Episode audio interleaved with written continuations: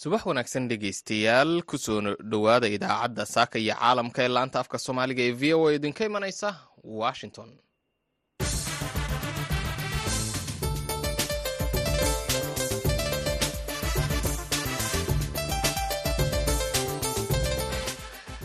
aroor wanaagsan meel kasta oo aad joogtaan waa subax axad ah saddexda bisha march ee sannadka labada kun iyo afar iyo labaatanka. Waxaadna naga dhegaysanaysaan muwjadaha gaagaaban ee lix iyo tobanka iyo sagaal iyo tobanka mitirban efemyada magaalooyinka qaar. Saacadda afrikada bari waxay tilmaamaysaa lixdii iyo badhkii subaxnimo idaacadda saaka iyo caalamkana waxaa idinla socodsiinaya anoo ah ismaaciil xuseen. Farjar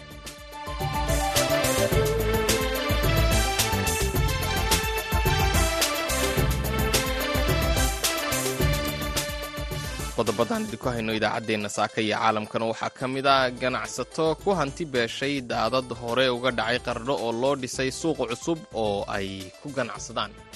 Ganacsatada noocyada la soo raray waxay isugu jiraan hadda siddeed nooc bay isugu jiraan. Waxaa ka mid ah hilibkii qudaartii furtiskii kabihii dharkii iyo dadkii cuntada karin jiray kuwii bagaashka geli jiray kuwii shoobinka geli jiray qaybahaasoo dhan bay isugu jiraan. Dadka aan halkaa keenayno aan soo diiwaangelino intaa biyomareenka ka soo diiwaangelina waa toddoba boqol iyo dheeraad ah.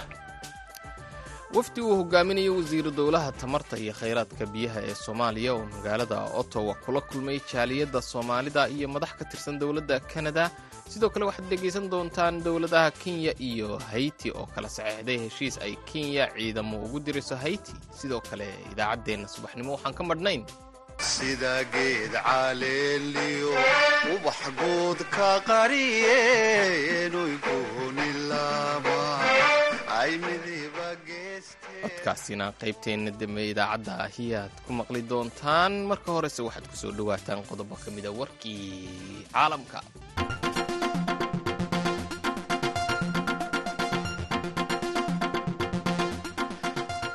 sarkaal sare oo ka tirsan xukuumadda maraykanka ayaa sheegay in israa'iil ay aqbashay habka loo dhigay heshiis xabad joojineed oo ku saabsan dagaalka khaza oo ay ku jiraan in la sii daayo maxaabiista laga haysto israa'iil sarkaalkan maraykanka ah oo ka gaabsaday in magaciisa la shaaciyo ayaa wariyaasha u sheegay in haatan ay kubaddu taallo dhinaca xamaas isaga oo intaas ku daray in maraykanku uu si adag dabada uga riixayo in uu dhaqan galo heshiiskaasi.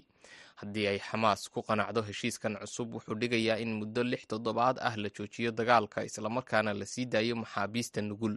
Sidoo kalena waxaa heshiiskan cusubi uu dhigayaa in kooxaha gargaarka bini'aadanimo loo ogolaado inay galaan marinka khaza wadahadallada ayaa maalinta axadda ah ka sii soconayaan idhaahdee dalka masar iyada oo ergo dhexdhexaadiyaal ah oo ka kala socda qatar iyo masar ay filayaan in ay helaan jawaabta xamaas ee heshiiskan cusub. Ilo ku dhowdhow masar ayaa iyo weliba xamaas ayaa tibaaxaya in xamaas aanay ku niyad samayn heshiiskan xabad joojineed oo kumeel gaadh ah hase ahaatee ay doonayaan heshiis si rasmi ah loogu soo afjaro dagaalka kumanaan qof oo dalbanaya in la sii daayo maxaabiista israa'iil ee gacanta ugu jira xamaas ayaa gaadhay magaalada barakaysan ee qudus sabtidii xilli ay socdaan wadahadallo la doonayo in lagu gaadho heshiis xabad joojineed kaas oo ka socda magaalada qaahira dibadbaxayaashan oo ay hogaaminayaan qoysaska dadka lagu haysto khaza ayaa socod ku aaday magaalada qudus iyaga oo sii maray waddada saxmadda badan ee aada magaalada qudus waxayna gaadheen bartamaha magaaladaas fiidnimadii. Dibadbaxayaashan ayaa soo afmeeray socod banaanbax ah oo ay wadeen muddo afar maalmood ah kaas oo ka soo bilaabmay mid ka mida goobihii ay xamaas weerartay bishii oktoobar toddobadeedii kooxahan ayaa mudaharaadka u sameynayay sidii ay xukuumadda israa'iil ugu cadaadin lahaayeen sidii loo sii dayn lahaa dadka israa'iiliyiinta ah ee gacanta ugu jira xamaas. Madaxweynaha maraykanka jo biden ayaa rajo ka muujiyey in marka ay curato bisha barakaysan ee ramadaan in uu rajaynayo in xilligaas ka hor la gaadho heshiis xabad joojin ah. Dhegeystayaal intaas waxaa naga eeg warkeennii dunida. Haatanna u diyaar garooba qaybaheenna kale idaacadda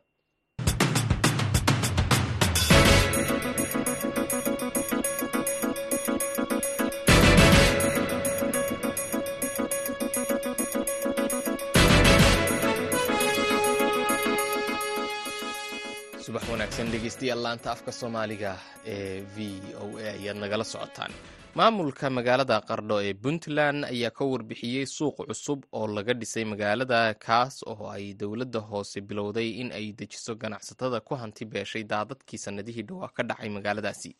Gudoomiyaha degmada qardho cabdi siciid qaal ayaa sheegay in ku dhowaad toddoba boqol oo qof ay ku ganacsan karaan suuqa cusub wuxuuna arrimahan uga waramay wariyaha v o a ee magaalada boosaaso yuusuf maxamuud yuusuf oo dhowaan booqday magaalada qardho yuusuf waa ku mahad celinayaa v ona waa mahad celinayaa maalmaha kan waxaan wadnay inaan dad ka soo rarno suuqa hore oo suuqa cusub aan keenno sababta aan uga soo raraynay suuqa hore suuqa hore wuxuu ahaa biyo mareen oo dadku ku khasaaroobi jireen oo daadka biyu kala tegi jireen alaabta kala tegi jireen. Sidoo kale wuxuu ahaa qorax wuxuu ahaa boor wuxuu ahaa waddooyinka oo maaragtay oo ciriir ahaa. Waxaa hadda uga soo rarnay marka shaqadii biyaha la qabanayaa biyaha la rabaa in la furo. Sidaa daraaddeed waxay noqotay dadkii meeshaa deganaa inaan suuq kale aan u helno. Suuqa hadda quruxda badan oo loo diyaariyey baan ugu talagalnay waana dejinnay waxaana ku talagal ku yahay halkaas aan biyo maaragtay aan daad kula tegayn oo aysan magaranaysa adeegyada dhan ku haystaan. Har ah muxuu ahaaye securitigiisu iyo amnigiisu sugan yahay. Sidoo kale ay habeenay maalin ku ganacsan karaan oo meel kasta solar system iyo kaga xiran yahay. Layrka cadceedda iyo kii magaranaysa korontada ay ugu xiran tahay biyo ay ugu jiraan balbalooyin iyo muxuu ahaye hoolal waafi ah ay maarata ku haystaan. Amnigii o dhanna maarata u sugan yahay. Adeegyo kala duwan ay ku haystaan. Halkaas ugu talagalnay habeenay maalin ku ganacsadaan alaabta u oolaato keedadkana waa u yaaleen way guddoomiye waxay ii sheegtay dadkan inay marka hore dhibaato ay kala kulmi jireen daadadka xilliyada roobka.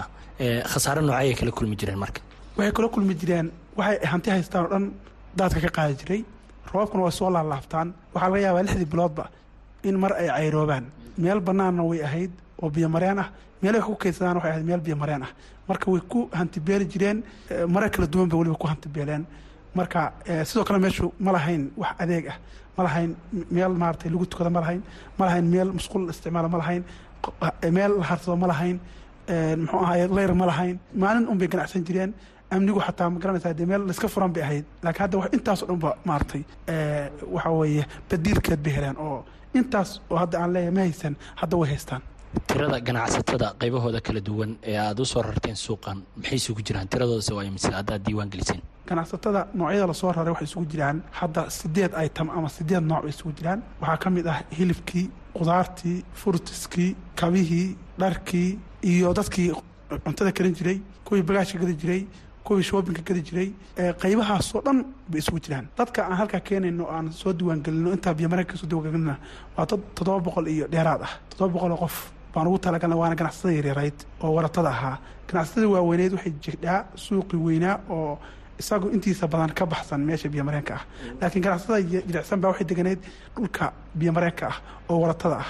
Marka waratadii baan suuqa u samaynay maxaa idii xigi doona marka oo tallaabaa maadaama aad hadda dadkan aad dibadejin u samayseen? Waxaa noo xigi doonta horta inaan suuqa u sii horumarino waa rabnaa oo inta ka sii ballaarino adeegyada yaalla iyo hoolasha ku yaalla iyo dadku meelahay fadhiisanaya aan sii horumarino sidoo kale waxaa noogu xiga hadda bilaabanaysa dadkan meeshii laga raray in oo biyomareenka ahayd in laga howlgalo oo waxaa dhisme ku yaalla oo maaragtay biyaha magaalada ku celiya iyo siligyada yaalla iyo ma garanaysaa jidadka xiran iyo ciidda tirada badanoo taalla iyo dhagaxa yaalla. Waxaas inaan ka qaadno oo meel bannaan oo biyuhu si caadi u maraan inaan ka dhignaan rabnaa. Ujeeddada aan ka leenahay waxa weye biyaha magaalada inaan ka maarayno ganacsatada meel ku habboon aan ma garanaysaa biyahana magaalada ku xirayn iyaguna ay maaragtay ku ganacsan karaan kuna barwaaqoobi karaan inaan maaragtay helaan. Suuqa waa heleen waana ku barwaaqoonaya waana deganaan doonaan. Biyahana magaalada waa ka furaynaa si looga baxo biyaha magaalada ku soo laalaabta. Hadda marka wejiyuu kale leeyahay biyo furistu hadda waxaa la samaynaya waa wejiga koowaad. Waxaa higi doonta laba wejiyoo kale oo ka sii dambeeya oo iyaguna noqon doona in maaragtay canalis biyu maraan. La sameeyo mid banaanka laga sameeyo biyaha laga duwo iyo mid magala dhexda laga sameeyo oo biyaha maaragtay magaala ka qaada. Marka howlahaas waa noo dhiman yihiin laakiin hadda wejiga koowaad weeye oo biyuhu inay si dabiici u maraan aan u diyaarinayno waaya guddoomiye waa wada joognay maalmahan magaalada qardho. Waxaa jira dad cabasho muujinayay oo ku saabsan inaysan helin weli boosaskay ku ganacsan lahaayeen. Dadkaas maxaa xal idinkaga ah dadkaas way jiraan. Sababta ay maaragtay uga maqayin liiskana waxaa weeye maalintii la diiwaangelinayey maalmihii la diiwaangelinayay ka maqnaayeen. Weliba habka diiwaangelinta waxay ahayd maalmo kala duwan baa lagu laabanayay. Qofkana goobtiisa loogu tagayay goobta lagu diiwaangelinayay maalmahaasay marka ka maqnaayeen. Insha allah iyagana waxa weeye waa hubinaynaa waana ku daraynaa wayna heli doonaan boosasay ku ganacsadaan qof walba oo warata ah oo halkaa deganaa oo la xaqiijiyo halkaa inuu deganaa oo muwaadina boosas ku ganacsadaan sii doonaa dileerada kaasi waxa uu ahaa guddoomiyaha degmada qardho cabdi siciid qaal oo u warramayay wariyaha v o a ee boosaaso yuusuf maxamuud. Yuusuf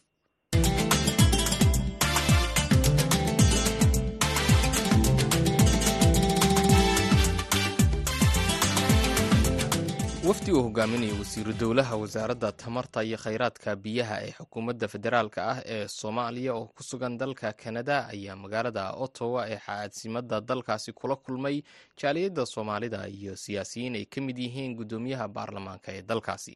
Haddaba wariyaha v o a kanada xuseen nuur xaaji oo waraystay wasiiru dowlaha wasaaradda tamarta iyo khayraadka biyaha ee soomaaliya maxamed cabdulaahi faarax ayaa ugu horreyn weydiiyey kulamada iyo waxa ay ku saabsan yihiin xuseen waa mahadsan tahay? Waa ku mahad adiga iyo maaragtay v o edaba bacdallah runtii waa sidaad sheegtay ottawa waan tagnay ottawa markaan tagnay dabcan kulamaan ku galnay kulamadaas waxay ka koobnaayeen kulamo aan la gelaynay jaaliyaddeena xooggan ee ottawa degan maaragtay guddoonkooda iyo guud ahaanba intii laga gaaray qodob kalena wuxuu ahaa qodob aan kala kulmaynay dowladda maaragtay canada qaybaheeda kala duwan haddii ay tahay baarlamaanka labada aqal ee upper houseka iyo lower houseka iyo haddii ay tahay waxa lagu magacaabo golaha fulintaba ama wasiiradaba iyagana dadka aragnay guddoomiyaha baarlamaanka guddiyada baarlamaanka innaga markaas aan u arkayna inay waxna tarayaan ama dabcan uun howlaheena wax ka mid ay relate leeyihiin. Anaha uun siyaalahaasay ay ahayd. Waa tahay maxay yihiin waxyaabaha ugu muhiimsan ee aad kala hadasheen siyaasiyiinta aad la kulanteen? Wallahi xuseeno de waxay ahayd waxaan kala hadalnay guddoomiyaha baarlamaanka waa aragnay baarlamaanka canada isaga iyo waxaan aragnay iyo xubno kaloo badan oo uu ka mid yahay wasiirka horumarinta iyo pollution diversityga iyo arrimahaas qaabishan oo kale aan aragnay sidoo kale waxaan aragnay guddiga baarlamaanka guddi hoosaadka baarlamaanka ee arrimaha internationalka iyo international developmentiga isagana guddigaasoo kale waa la kulanay guddoomiye ku-xigeenkiisaan la kulanay. Sidoo kale waxaan la kulanay guddiga qaabishan arrimaha internationalka isagana gaar ahaan waaxda africa qaabishan ee baarlamaanka. Iyagana waa aan la kulanay maaragtay guddoomiyaha ku-xigeenka guddi hoosaadkaas aan isagana aragnay. Sidoo kale waxaan aragnay xildhibaano iyo wasiirro kale oo iyaguna muhiim noo ahaa dhammaanna waxaan kala hadlayna dhowr qodob. Qodobkood wuxuu ahaa sidii maadaama dalkan uu yahay dal hormaray developed countrieska waddamada la yiraahdo ka mid ah dowladaha africana ay yihiin dowlado maaragtay dib dhacsan ayagana ay dabcan wax ka qabtaan afrikaankaas. Ka inaga soomaali ahaan qaybtii nooga aadaneed oo aan dhaliishanahay xoogaa inaan sidii loo baahnaa is involved noogu ahayn inay noo soo jeestaan oo involved nagu noqdaan oo dalkeenna oo ah dal maaragtay curdan ah oo hadda firaaqii dhexe kadib si fiican u soo kabanayo inay maaragtay naga garab istaagaan qaybaha bulshada adeega bulshada gaar ahaan korontada iyo biyaha iyo waxbarashada iyo caafimaadka iyo kaabayaasha dhaqaalaha iyo inay naga garab istaagaan.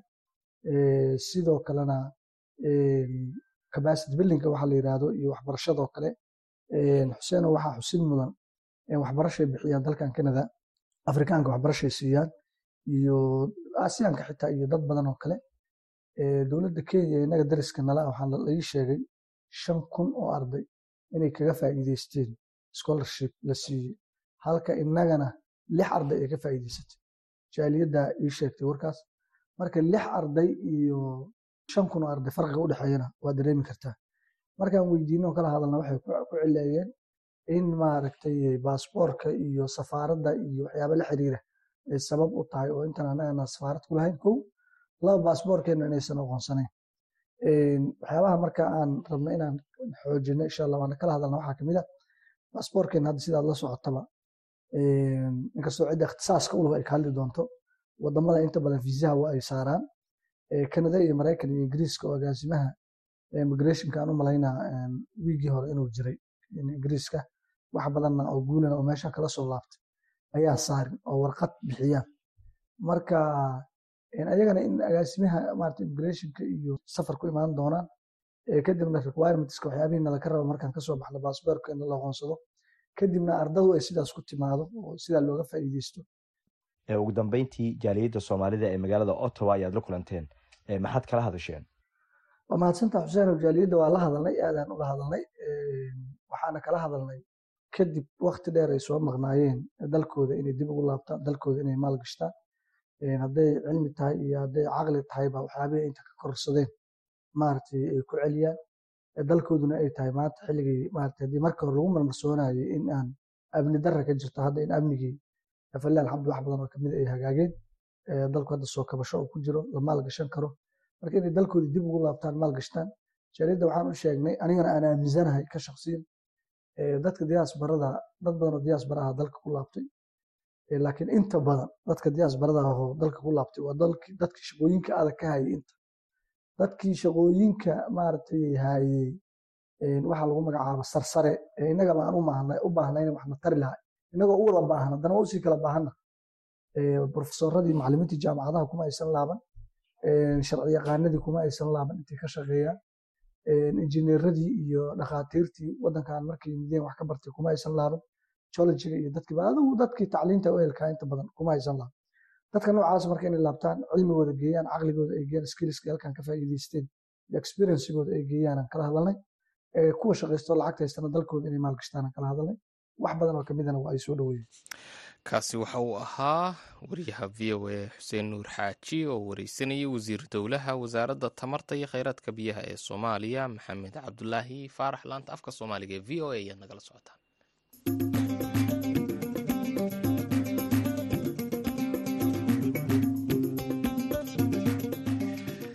hogaamiyayaasha dowladaha kenya iyo haiti ayaa magaalada nairobi ku kala saxeixday heshiis dhanka ammaanka ah oo dhigaya in kenya ay ciidamo boolis ah oo gaadhaya kun askari ay u dirto dalka ay amnidaradu ragaysay haiti. Warbixin amuurtaas ku saabsan waxaa nairobi ka soo diray wariyaha v o a khadar maxamuud xareed heshiiskii jimcihii xarunta madaxtooyada kenya ee magaalada nairobi ay ku kala saxiixdeen madaxweynaha kenya william ruto iyo ra'iisul wasaaraha dalka haiti ariel henry ayaa ahaa mid xukuumadda nairobi ay ku doonayso in maxkamadda sare ee kenya ay ku qanciso. Diidmadii ay ku diiday qorshaha madaxweyne ruto uu ku doonayo inuu kun askari oo ciidamo booliis ah uu ugu diro. Dalka ay rabshadaha iyo amni darradu ay ka jiraan ee karebiyanka ku yaalla ee haiti kenya ayaa markii ugu horreysay dhammaadkii sannadkii hore si mutadawacnimo ah ugu yaboohday kun askari oo booliis ah oo dalka haiti loo dirayo si ay uga jawaabto codsi uga yimid dalka haiti iyo qaramada midoobay oo taageero caalami ah ka dalbaday. Maxkamadda sare ee kenya ayaa xanibtay tilaabadan bishii janaayo iyadoo sheegtay inay tahay mid aan dastuuri ahayn ayna horey u socon karto oo keliya haddii uu jiro heshiiska isdhaafsiga ee u dhexeeya labada waddan xaflad ka dhacday magaalada nairobi jimcihii ayaa madaxweynaha kenya william ruto oo u weheliyo ra'iisul wasaaraha haiti ariel henry ayaa lagu sheegay in labada waddan ay kala saxiixdeen qalab isdhaafsi si loo ogolaado in la soo daadgureeyo ciidamadaasi iyagoo ka wada hadlay tillaabooyinka xiga si ay awood ugu yeeshaan in si deg deg ah loola socdo howlgelinta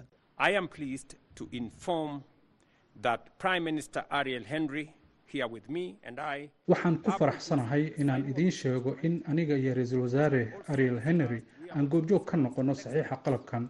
Waxaan sidoo kale aan ka wada hadalnay tillaabooyinka kale ee xigi doona si loo suurtogeliyo daabulista muhiimadda iyo in la dedejiyo.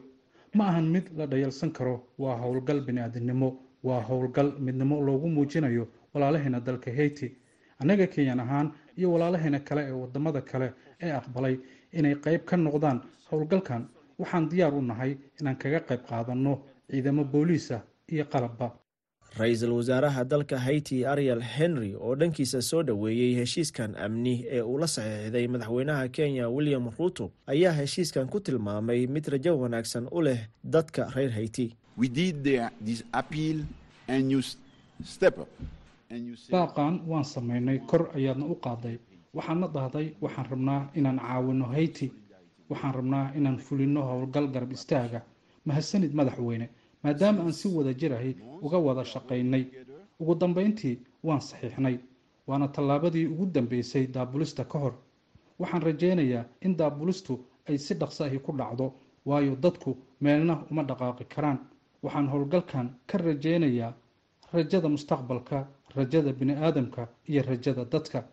Golaha ammaanka ee qaramada midoobay ayaa horaantii bishii oktoobar ee sannadkii hore ansixiyey in kenya ay hogaamiso howlgalka nabad soo celinta ee dalka hayti halkaasoo ay kooxo burcad ah ay ka geysanayaan dhibaatooyin ka dhan ah bani-aadamnimada xaaladda dalka hayti ayaa isku badashay dal fawdo ah oo faraha ka baxday saddex sano ka hor markii madaxweynihii dalkaasi la dilay. Khadar maxamuud xareed v o a nairobi.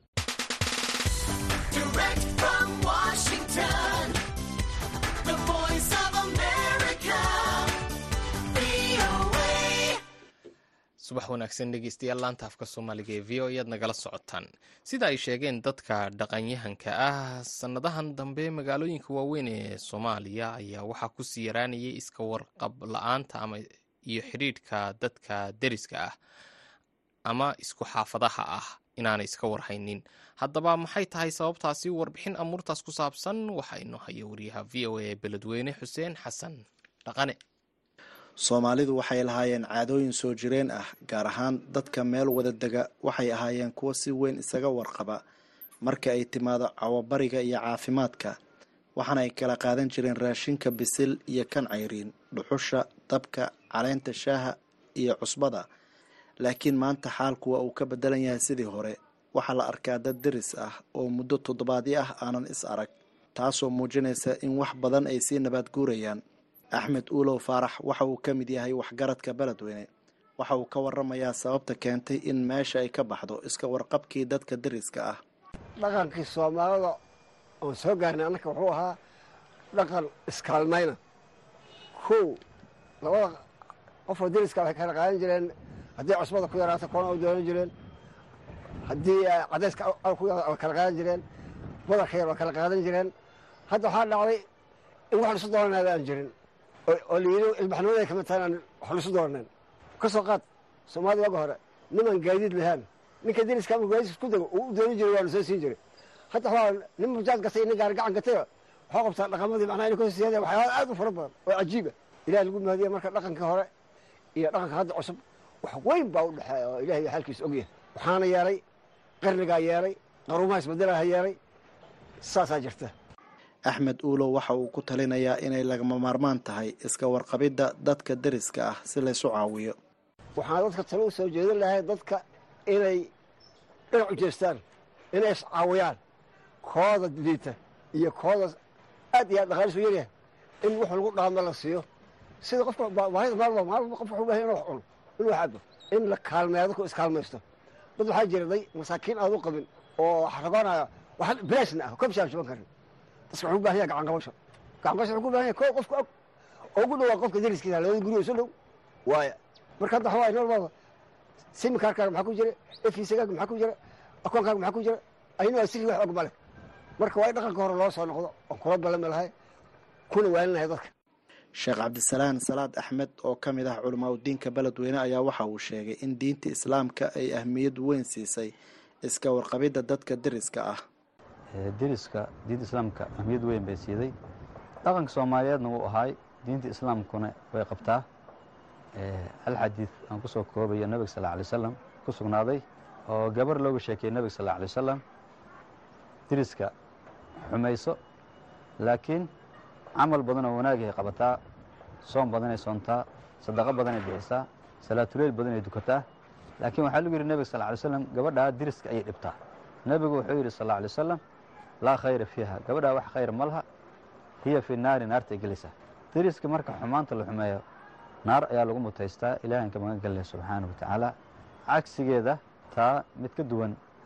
Deriska oo la wanaajiyo iyadana waxaa lagu mutaystaa ama lagu galaa jannada nabiga sal alay wasalam isla xadiidka riwaayaddiisa kale waxaa ku sugneed nabiga in loogu sheekeeyey gabar iyadana yacni cibaado badan aanan qabanin laakiin soon badan ma soonto sadaqo badan ma bixiso gabadhan salaatuleyl badan ma dukato. Laakiin nabiga waxaa la yidhi sal alay slam laakiin diriska ma dhibtahle gabadhaad. Diriska wuu ka nabad galaa way caawisaa way soo booqataa hadday xanuunsan yihiin way u tagtaa hadday maarata ka waxaysan yihiin way caawisaa way soo booqataa xaaladdiisa ayay diriska si dhow ula socotaa.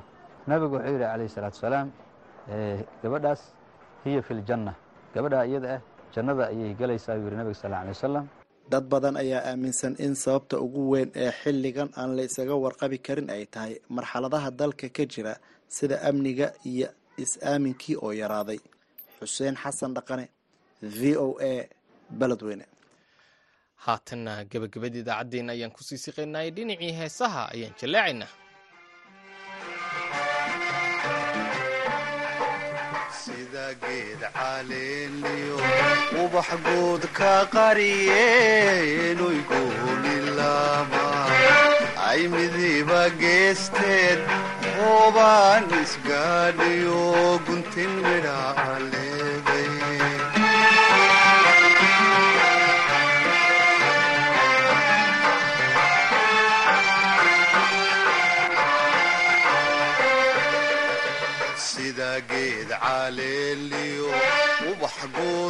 guud ka qariyeenuy goonilaama ay midiba geesteed hoobaan isgaadhiyo guntin midhaa leeday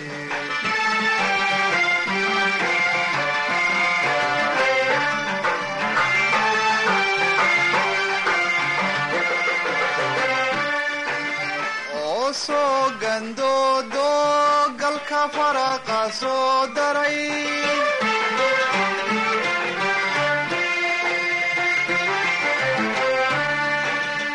oo soo gandoodo galka faraqa soo daray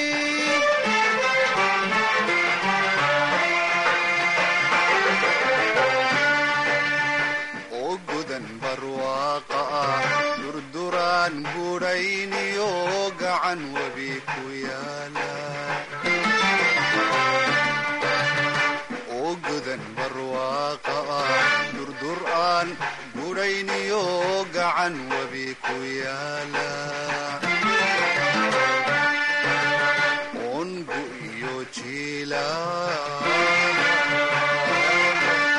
midab guurin baato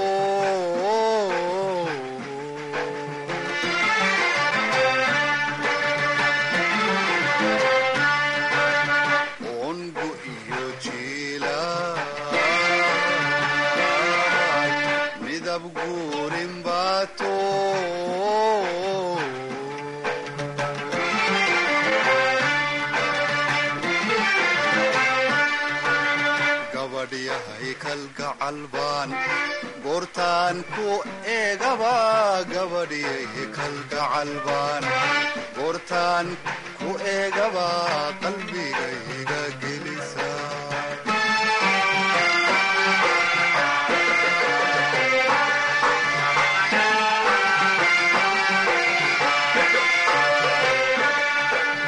Gabadhyahay kalgacal baan goortaan ku eegaba gabadhyay kalgacal baan goortaan